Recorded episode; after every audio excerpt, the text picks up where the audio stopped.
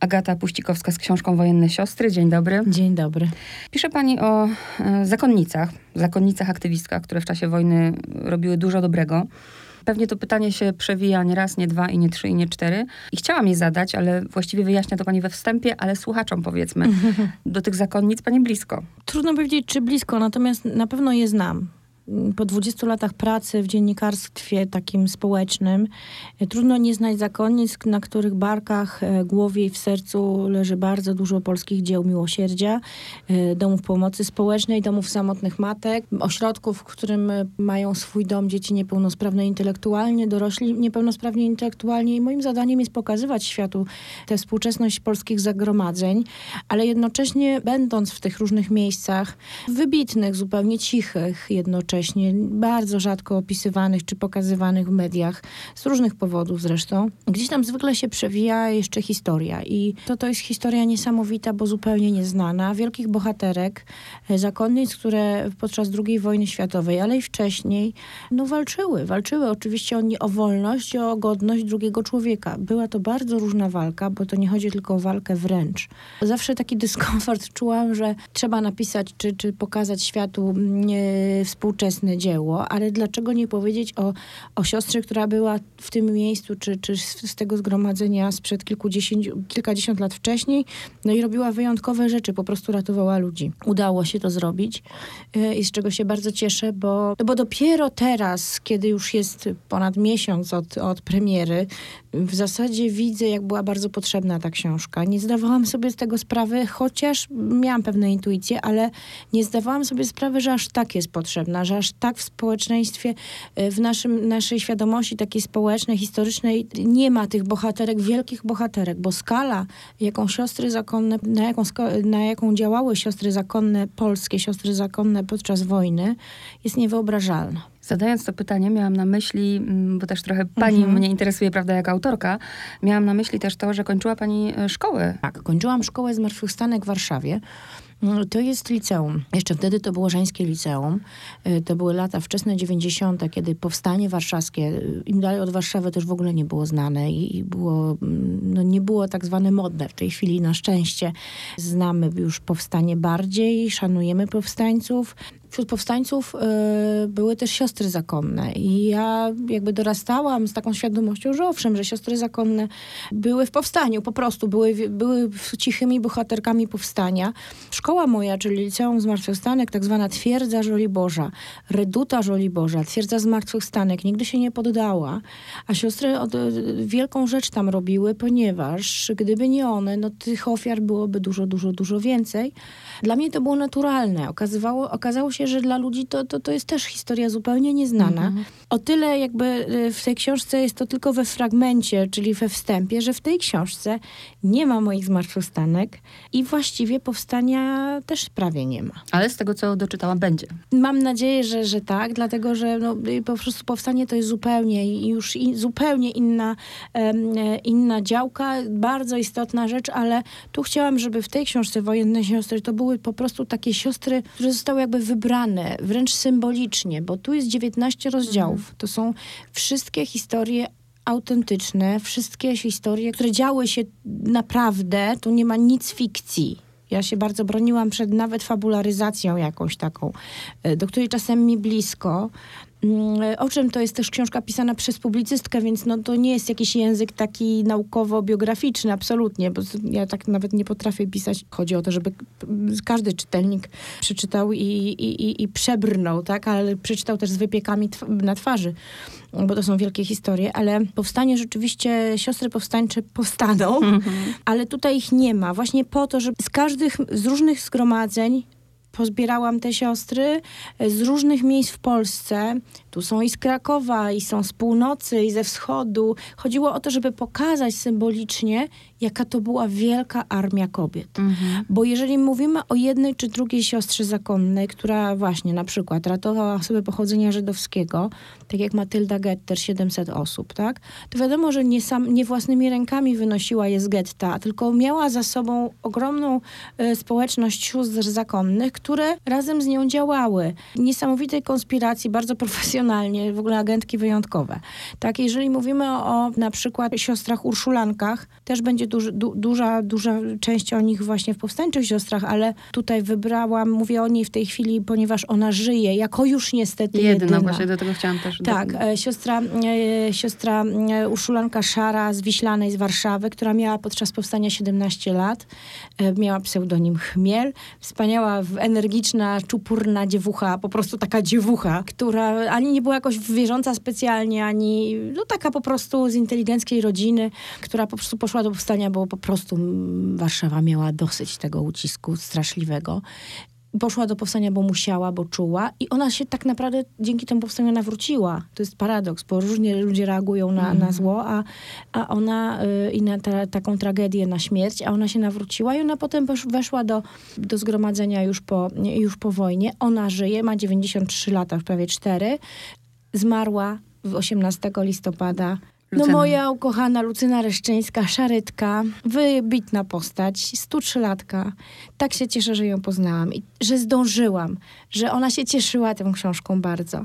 I jeszcze się, jeszcze mogłyśmy porozmawiać, jeszcze mogłyśmy chodzić po, po Tamce, to jest, to jest um, klasztor na Tamce. Mówię do Państwa, że tam e, wszędzie, gdzie mogę o tym mówić, tam można przyjechać i zobaczyć, można wejść. Oczywiście no nie, nie w samemu, mhm. nie, nie, nie do samego budynku, ale przepiękny zabytek, pamiętający jeszcze XVI-XVII wiek, co, co po powstańczych e, dziejach Warszawy wcale nie jest takim, takie jasne.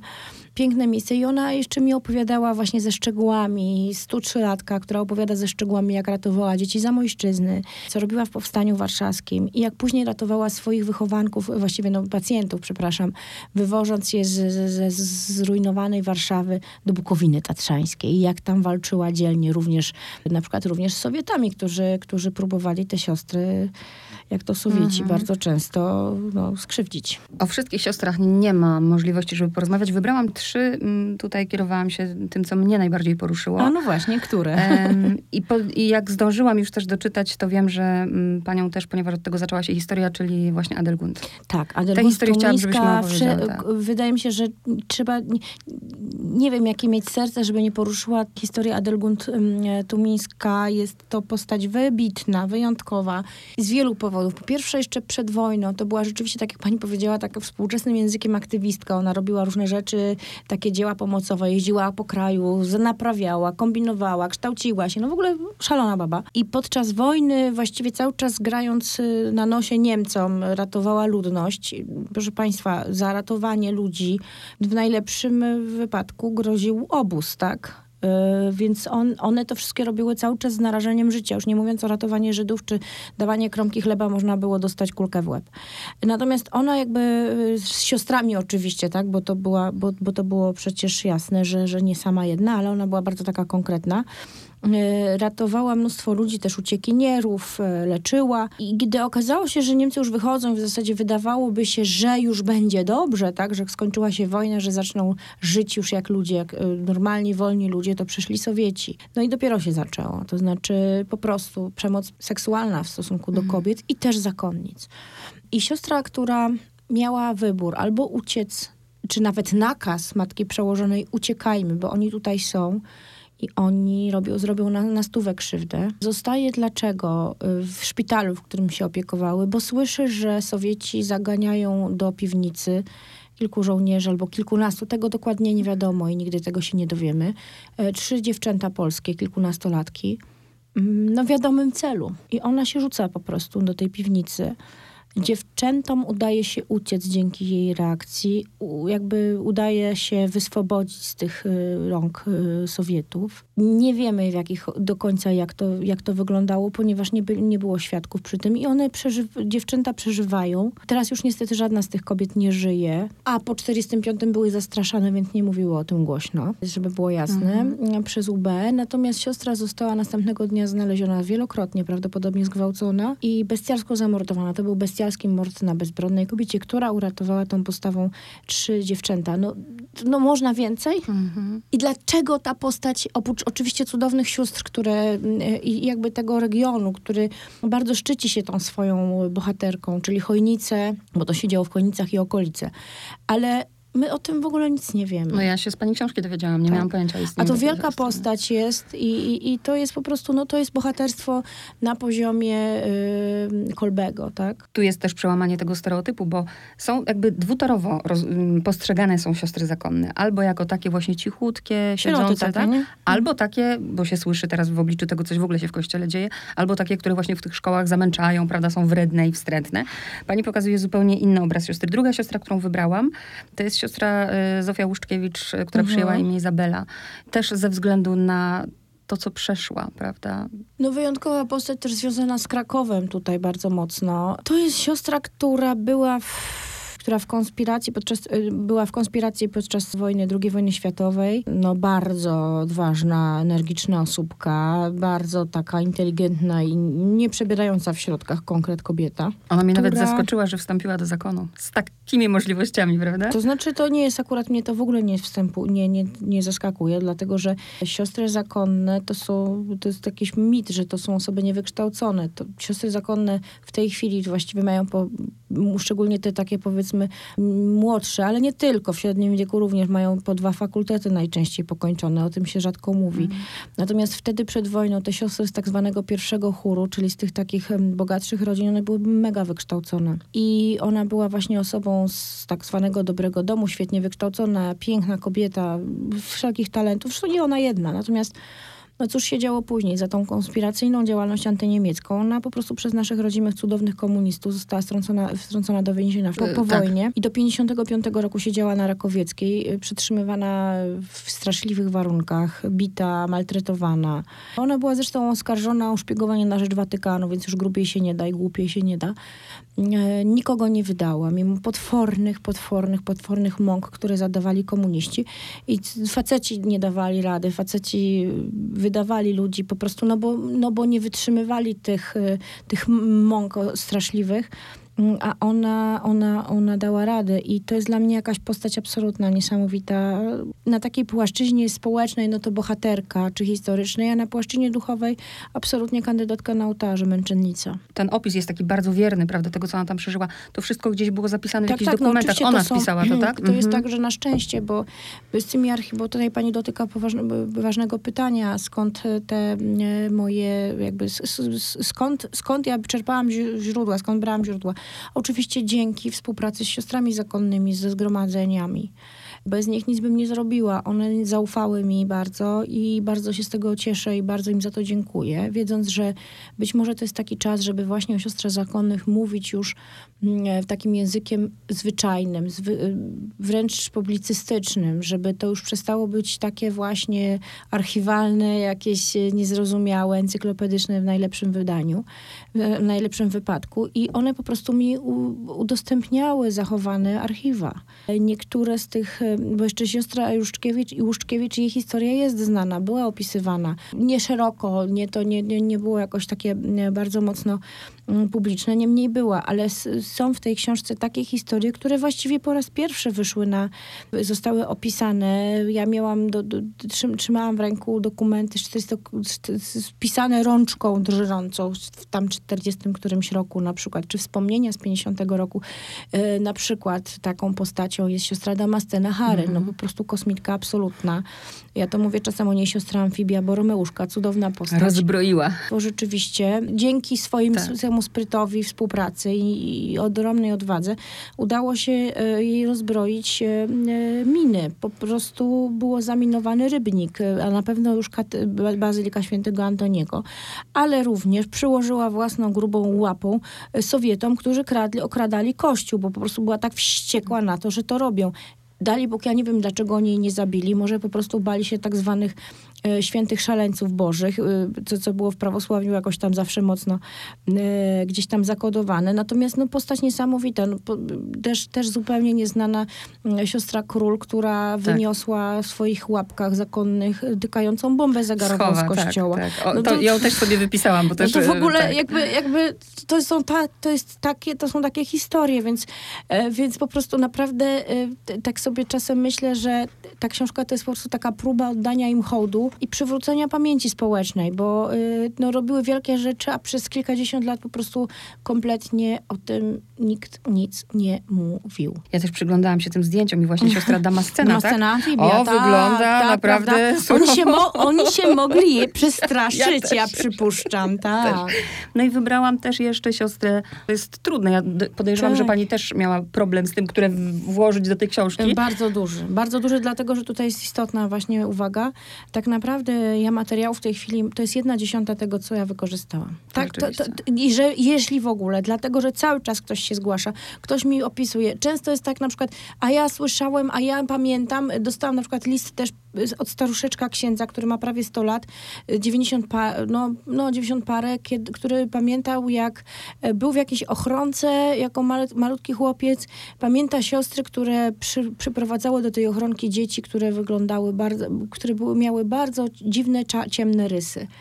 I, I jakby na przykład takie świadectwo, przecież to umknie, to ja nawet nie jestem w stanie do tego dotrzeć, ale to pokazuje, jaka to była gigantyczna skala, nie? Re- Cudownych, wspaniałych, e, e, cu- cudo- cudownych działań tak naprawdę dla drugiego człowieka i Pana Boga, no bo nie dlatego, żebyśmy po latach mówiły w RMF-ie o tym, prawda? No i ta ostatnia siostra, którą wybrałam, pomijam to, jakie miała zasługi i była agentką siostry Józefa Kozioł, ale ze względu na prymasa Wyszyńskiego, A, tak. który nie miał pojęcia, kto się nim opiekuje. No właśnie, ja się zastanawiam, czy, czy ma, czy nie, mia, czy nie miał, czy miał. Wydaje się jednak, że nie miał. Rzeczywiście siostra Józefa Kozioł, jedna z czterech szarytek. W ogóle, proszę Państwa, to miało być tak, że miała być jedna siostra z jednego zgromadzenia. No ale szarytki to kosmitki się nie dało jednej, bo tak naprawdę mam historii chyba na dwa, 20 takich historii samych szarytek na przykład. Ale mm, siostra Józefa Kozioł, rzeczywiście wybitna postać. Em, To była komendantka powiatu, powiatu sandomierskiego, autentyczna. To była, mm, to była konspiratorka taka już zaprzysiężona, miała kilka pseudonimów. Y, Wyobraźcie sobie Państwo, że ona generalnie to pracowała w szpitalu jako taka grzeczna siostra, spokojna siostra y, pielęgniarka mm, a jednocześnie robiła wielką konspirację. Em, Wiele osób jej podlegało, nie wiedząc nawet w ogóle, kim ona jest. Mm, I ona rzeczywiście była szefem wywiadu tam w ogóle. No to w ogóle jest jakieś... To jest, taka, to jest taka skala. I ona po wojnie była sobie... Też siedziała 8 miesięcy w więzieniu komunistycznym, to jest istotne. Na szczęście miała więcej szczęścia niż y, Izabela. Tylko jej zęby powybijali. Yy, no, z przekąsem mówię. Natomiast ym, no później ona... Później ona po prostu pracowała w szpitalach. Troszkę się ukrywała, żeby tak no, zejść z oczu po prostu komunistom.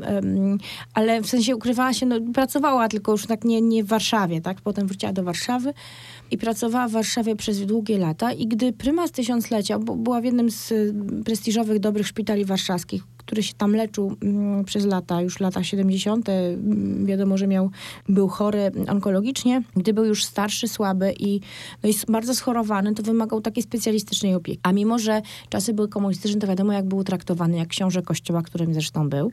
Profesorzy z tego szpitala poprosili ją właśnie, siostrę Józefę, żeby ona się nim opiekowała, dlatego, że ona robiła to najlepiej, najbardziej profesjonalnie. To była wysoka, wysoce profesjonalna e, siostra zakonna, w- siostra e, po prostu pielęgniarka, tak? Więc jeżeli ona wkładała węflon, to wiadomo było, że zrobi to dobrze. W te, te delikatne żyły. I ona mm, zaprzyjaźniła się, czy też y, po prostu dobrze poznała prymasa tysiąclecia i towarzyszyła już później, kiedy on był na Miodowej, y, już taki było wiadomo, że jest umierający, ona, ona przyjeżdżała, towarzyszyła, opiekowała się nim, opiekowała się nim do samego końca, była przy jego śmierci. No i to jest właśnie taki paradoks, że bohater wojenny, bo to jest bardzo istotne, prymas Wyszyński też był bohaterem wojennym. Ja mam nadzieję, że przy okazji beatyfikacji więcej osób się o tym dowie. A ja zachęcam do późniejszej książki Powstańcze Siostry, bo ten wątek będzie bardzo konkretny tam również, właśnie Wyszyńskiego i pewnych sióstr. Natomiast Wyszyński, mm, e, bohater wojenny, wielki książę kościoła i obok niego siostra e, e, pielęgniarka, która no, traktuje go jako po prostu no, z jednej strony jako księcia kościoła, z drugiej strony jako ukochanego właśnie, nie wiem, ojca. On do niej mówił Józefko. Ostatnio usłyszałam, że to było traktowanie protekcjonalne. Ktoś tak powiedział. No jakie protekcjonalne, drodzy Państwo? No jakie? Z czułością. To tak jakbym opiekowała się swoim dziadkiem i on do mnie mówił Agatko, prawda? W każdym razie ona się nim opiekowała do końca. Czy on wiedział? No ja twierdzę, że mógł wiedzieć, aczkolwiek siostry twierdzą, że nie wiedział. No właśnie, bo ona o tym nie mówiła. Siostra Józefa Kozioł. Dopiero w zasadzie po jej śmierci szerzej to wyszło, ale to też nie jakoś bardzo mocno. No i chyba nie wiedział rzeczywiście, a no to jest jakiś rzeczywiście paradoks, żeby takim bohaterem opiekowała się skromna, boha- skromna kobieta, która jest wielką bohaterką. Tak, na równi prawdopodobnie. Przynajmniej ja mówię o tych y, wojennych mhm. doświadczeniach, albo i więcej, bo ona była niesamowita piękna historia, piękna historia i mam nadzieję, że właśnie dzięki tej książce po prostu tego typu historie wyjdą gdzieś tam z, z, z ukrycia, no bo myślę, że to jest takie nasza, taka nasza powinność, taka sprawiedliwość jakaś. I też się zastanawiam nad tym, bo pani mówi, że te siostry są właśnie wykształcone po dwóch fakultetach, a pani jako osoba z zewnątrz zabrała się za spisanie tych historii. Czy jak pani chodziła do nich, żeby pracować nad tymi mhm. dokumentami, to one mówiły coś takiego, że myślały o tym, żeby to wydać? Bo ktoś z zewnątrz się za to, to dopiero znaczy, zabrał. To nie? chyba musiał być ktoś z zewnątrz, w sensie nie siostra zakonna, dlatego że no jakby siostry po prostu, po pierwsze to naprawdę nie jest tak, że siostry leżą i pachną. To jest mój zawód, jestem dziennikarzem, pisarzem. Ja z tego żyję, ja to kocham oczywiście, ale to jest, to jest też moja pasja, ale to jest mój zawód. Natomiast siostry po prostu, nawet archiwistki, mają tyle roboty, tyle prac, że nawet jeśli są archiwistkami przypisanymi do jednego zgromadzenia, no to zajmują się własnym zgromadzeniem, tak? No, trudno, żeby siostra archiwistka latała po innych zgromadzeniach i szukała w innych zgromadzeniach jakichś Czyli rzeczy. Czyli ten pomysł ich zaskoczył raczej. Y, ja myślę, że to był dobry już czas na to, że mhm. gdyby to było 10 lat temu czy 20 lat temu, to oczywiście wojennych sióstr żyjących byłoby dużo więcej, ale takiej świadomości, pewnej akceptacji i zaufania byłoby mniej. Y, ja od 20 lat pracuję, jak powiedziałam na początku naszej rozmowy, z siostrami zakonnymi, w sensie opisuję je, więc one wiedziały doskonale, że ja nie wejdę w buciorach za przeproszeniem że zrobię to subtelnie, że nie będę wyciągała jakichś takich rzeczy, które być może one z jakiegoś powodu nie chciałyby, żeby to jakoś było y, na plan pierwszy wysuwane, chociaż nigdy nie miałam takiej sytuacji. Tutaj jest po prostu konkret, konkret, konkret. Tam nie było ani jednej takiej sytuacji. Niemniej jednak one miały zaufanie, tak? Bo jednak, y, proszę sobie wyobrazić, no bo to, to jest tak, że one traktują te swoje dawne siostry jako, chciałoby się powiedzieć, jako jakieś takie bliskie sobie osoby, jako rodzinę. Czyli jeżeli nasza babcia czy prababcia doznała traumy wojennej, to dla nas to też jest delikatna sprawa tak? Więc w ten sposób trzeba to rozpatrywać. Jeżeli moja babcia, co nie daj Boże, czy prababcia zostały, nie wiem, zgwałcone na przykład podczas wojny, to ja bym nie chciała, żeby cały świat o tym gadał z takim, e, na, z takim nastawieniem, że to jest, e, nie wiem, że to jest jakaś taka, mm, jakiś taki newsik, tak? Czy, czy, czy w atmosferze skandaliku, czy, czy czegoś takiego właśnie, nie wiem, niepoważnego, tak? Do tego jednak trzeba takiej dużej atencji i wrażliwości. I wydaje mi się, że to jest to, że no po prostu one wiedzą, co ja piszę, wiedzą w jaki sposób ja piszę. I ja z wielu z nich, wiele z nich po prostu znam. Także jakby tu miałam w tym sensie ułatwioną to, ułatwione to zadanie. E, oczywiście zdarzały się takie zgromadzenia, które jakoś tak nie przejawiały do końca chęci współpracy, ale to po prostu, no to nie, to nie, no to proszę bardzo. I tak jedna dziesiąta. Z kolei na przykład miałam duży problem, to znaczy du, du, dużą taką właśnie ból, że musiałam no, pewne historie odrzucić, w tym sensie, że po prostu już, no, no książka nie jest z gumy i się nie dało. A siostry bardzo chciały wspaniałe historie, naprawdę. Mm, jeszcze nie opisane. To też jest ciekawe, to, to ta robota w archiwach, ile, ile pani nad tym siedziała? Tak naprawdę od momentu y, rozpoczęcia do zakończenia to był rok. Ktoś powie to mało, ktoś powie to dużo. Ja jestem bardzo sprawna warsztatowo, więc jakby to nie był problem. Ale tak jak pani powiedziała, y, no największe to było wygrzebanie, dogrzebanie, ale najtrudniejsze naprawdę to było właśnie, właśnie to sito, którego mhm. ja musiałam niestety użyć i wybrać. I w pewnym momencie to miałam, nawet dzwoniłam do, do, do, do swojej redaktor yy, i mówiłam, słuchaj, ja się, ja się nie nadaję, ja w ogóle nie wiem, które i ta fajna, i ta cudowna, i do niczego. I miałam po prostu dołak 150, na pół, półtora miesiąca w ogóle nie ruszyłam nawet tego, bo to musiało gdzieś tam w głowie dojrzeć. To było najtrudniejsze właśnie, czyli, czyli jakby ten dobór, a potem stwierdziłam, dobra, skoro to jest moja książka, bo jakby próbowałam różne klucze, różnymi kluczami to dobierać i wymyślać. Skoro to jest moja książka, skoro to jest moje dzieło, to w zasadzie ja to będę wybierać według tego, co mi gdzieś tam w sercu tak. gra. I rzeczywiście tak to wyszło. Oczywiście no ja się starałam, żeby możliwie było jak najwięcej tych zgromadzeń i możliwie z różnych miejsc. Mhm Ale na przykład szarletki są cztery, bo nie dało się mniej, mogłabym więcej. Niepogolanki są dwie. E, Urszulanki, mm, e, jedne z urszulanek Unii Rzymskiej też są dwa rozdziały. I to jest o tyle ciekawe na przykład, że jedna z tych sióstr, tutaj niedaleko zresztą w Rokicinach Podhalańskich mieszkała i, i, działała. I to była właśnie ta z tak zwanego pierwszego chóru, czyli jakby te, te siostry bardziej wykształcone, które piastowały później jakieś takie wyższe urzędy i były tam przełożonymi i tak dalej, i tak dalej. Natomiast bardzo się cieszyłam, że udało mi się też opisać siostry z tak zwanego drugiego chóru, czyli siostry, które były mniej wykształcone albo wcale nie wykształcone, które były takimi praczkami, sprzątaczkami, a jednocześnie miały taki power. Wydawało się, no takie, takie, no ledwo czytają i piszą, prawda? A to były wybitne kobiety, po prostu, niezależnie od wykształcenia. To były wybitne kobiety, które w momencie, gdy, gdy, gdy przychodził czas próby, to właśnie one się super zachowywały, nie? Więc dla mnie mm, ta książka to jest też książka po prostu o kobiecości. Ja nie bez powodu na początku właśnie nazwałam je aktywistkami, bo ta energia. Ta energia, mm, tak. Jest, no ale po prostu kobiety takie mhm, są, tak. nie? Czy, czy, czy, czy, często po prostu też nie, nie widać tego gdzieś tam na zewnątrz. Mówię tu o kobietach w habitach z wielu powodów, ale one takie są. No, gdyby, gdyby takie nie były, to nie mogłyby tych ochronek mm. prowadzić, nie mogłyby pracować moje ukochane siostry z Mocarzewa, zmartwychwstanki, dom mocarzy, które budują. No, po prostu dziewczyny, które muszą zbudować dla swoich dzieci dom, bo inaczej te, te, te, dzieci zostaną wywalone w kosmos albo do jakichś DPS-ów. Mówię tu o dzieciach 25-letnich, bo taki jest system, że masz 25 lat, zespół Downa, a won. Nie ma możliwości, tak, bo, bo, bo, bo, bo, bo, państwo tak działa, więc one zakasują rękawy i budują dom dla nich, tak. Mają wykształcenie pedagogiczne, prawda? Która to była siostra właśnie Zofia, która ojciec nie chciał się zgodzić, żeby szła do zakonu, a ona po prostu taka determinacja, że... To była, to, e, to, to kilka takich historii historii. To nie jedna. Ale ta jedna, że jemu się przyśnił, e, przyśnił y, członek rodziny, e, prawda? Tak, I tak, tak, Nie tak, pamiętam, tak. czy to była, czasem nie była ta siostra Izabela, teraz, nie, teraz nie, nie, nie, to nie była siostra Izabela, to były, to były jeszcze jedne siostry. E, to była jedna z sióstr, Zgromadzenia Sióstr Boskiego Zbawiciela.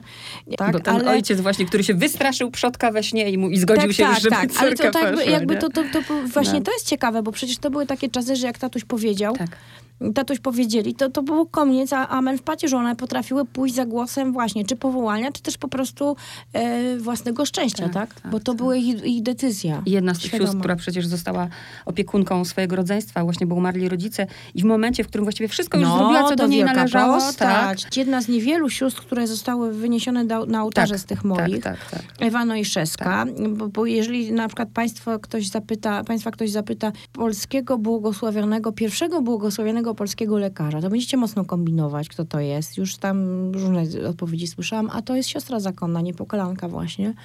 Ewa Nojszewska, Bogumił, czyli Bogumiła Nojszewska, wykształcona absolutnie niesamowicie, doskonały lekarz, cudowna postać.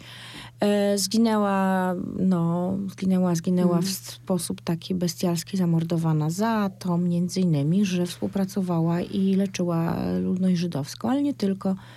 No, także ona, ona tak, tak, ona jakby przez całe swoje życie próbowała iść do zakonu, czuła potrzebę, ale nie miała takiej możliwości, bo opiekowała się gromadką młodszego rodzeństwa. Matka nie była w stanie się nimi opiekować.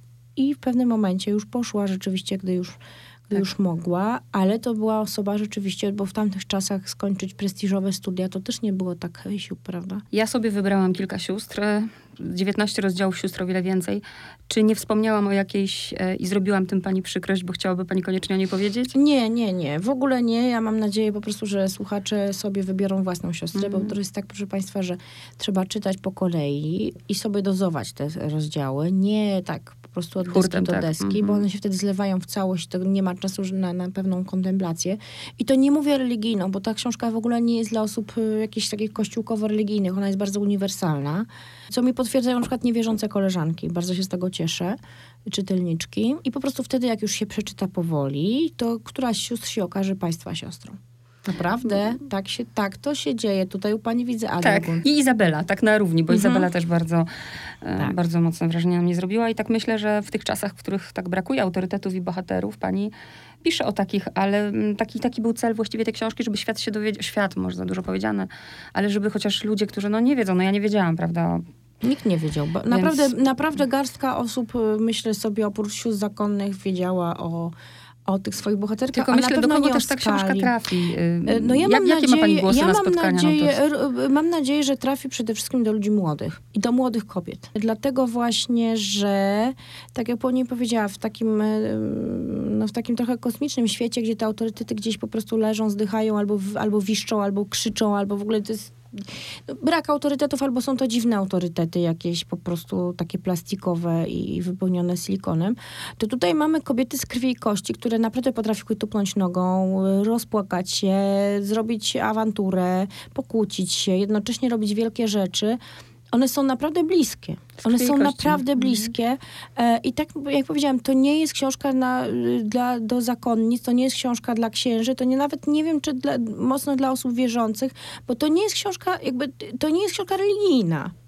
To nie jest książka religijna, to jest książka kobieca, to jest książka publicystyka historyczna, ale chciałabym po prostu, żeby młoda kobieta, która przeczyta tę książkę, poczuła się mocniejsza i silniejsza i chyba to tak działa. Tak mi właśnie mówią panie. Tyle o sobie wiemy, na ile nas sprawdzono. Otóż to. Y, Jak dowiedziałam się właśnie, że zmarła siostra Reszczyńska, to wróciłam sobie do tego wywiadu y, z siostrą, tego, tego rozdziału. Przecież ona jeszcze przed chwilą była z nami. Ja taką jedną myślę, żeby to się nigdy nie musiało powtórzyć, bo ona żyła, to wszystko... Ale przy- to powiedziała pani jedną ważną rzecz. Rzeczywiście, czasem przy takich historiach, które są bliskie, bardziej widać tragedię wojny, niż gdy czytamy jakieś takie wielkie opracowania, szerokie, jakieś takie monografie, albo e, dotyczące wydarzeń. Jakby ta historia wtedy, zwykłego nie? człowieka najbardziej nam pokazuje dramatyzm wojny i przyznam, że ja też czytając właśnie te historie tych kobiet,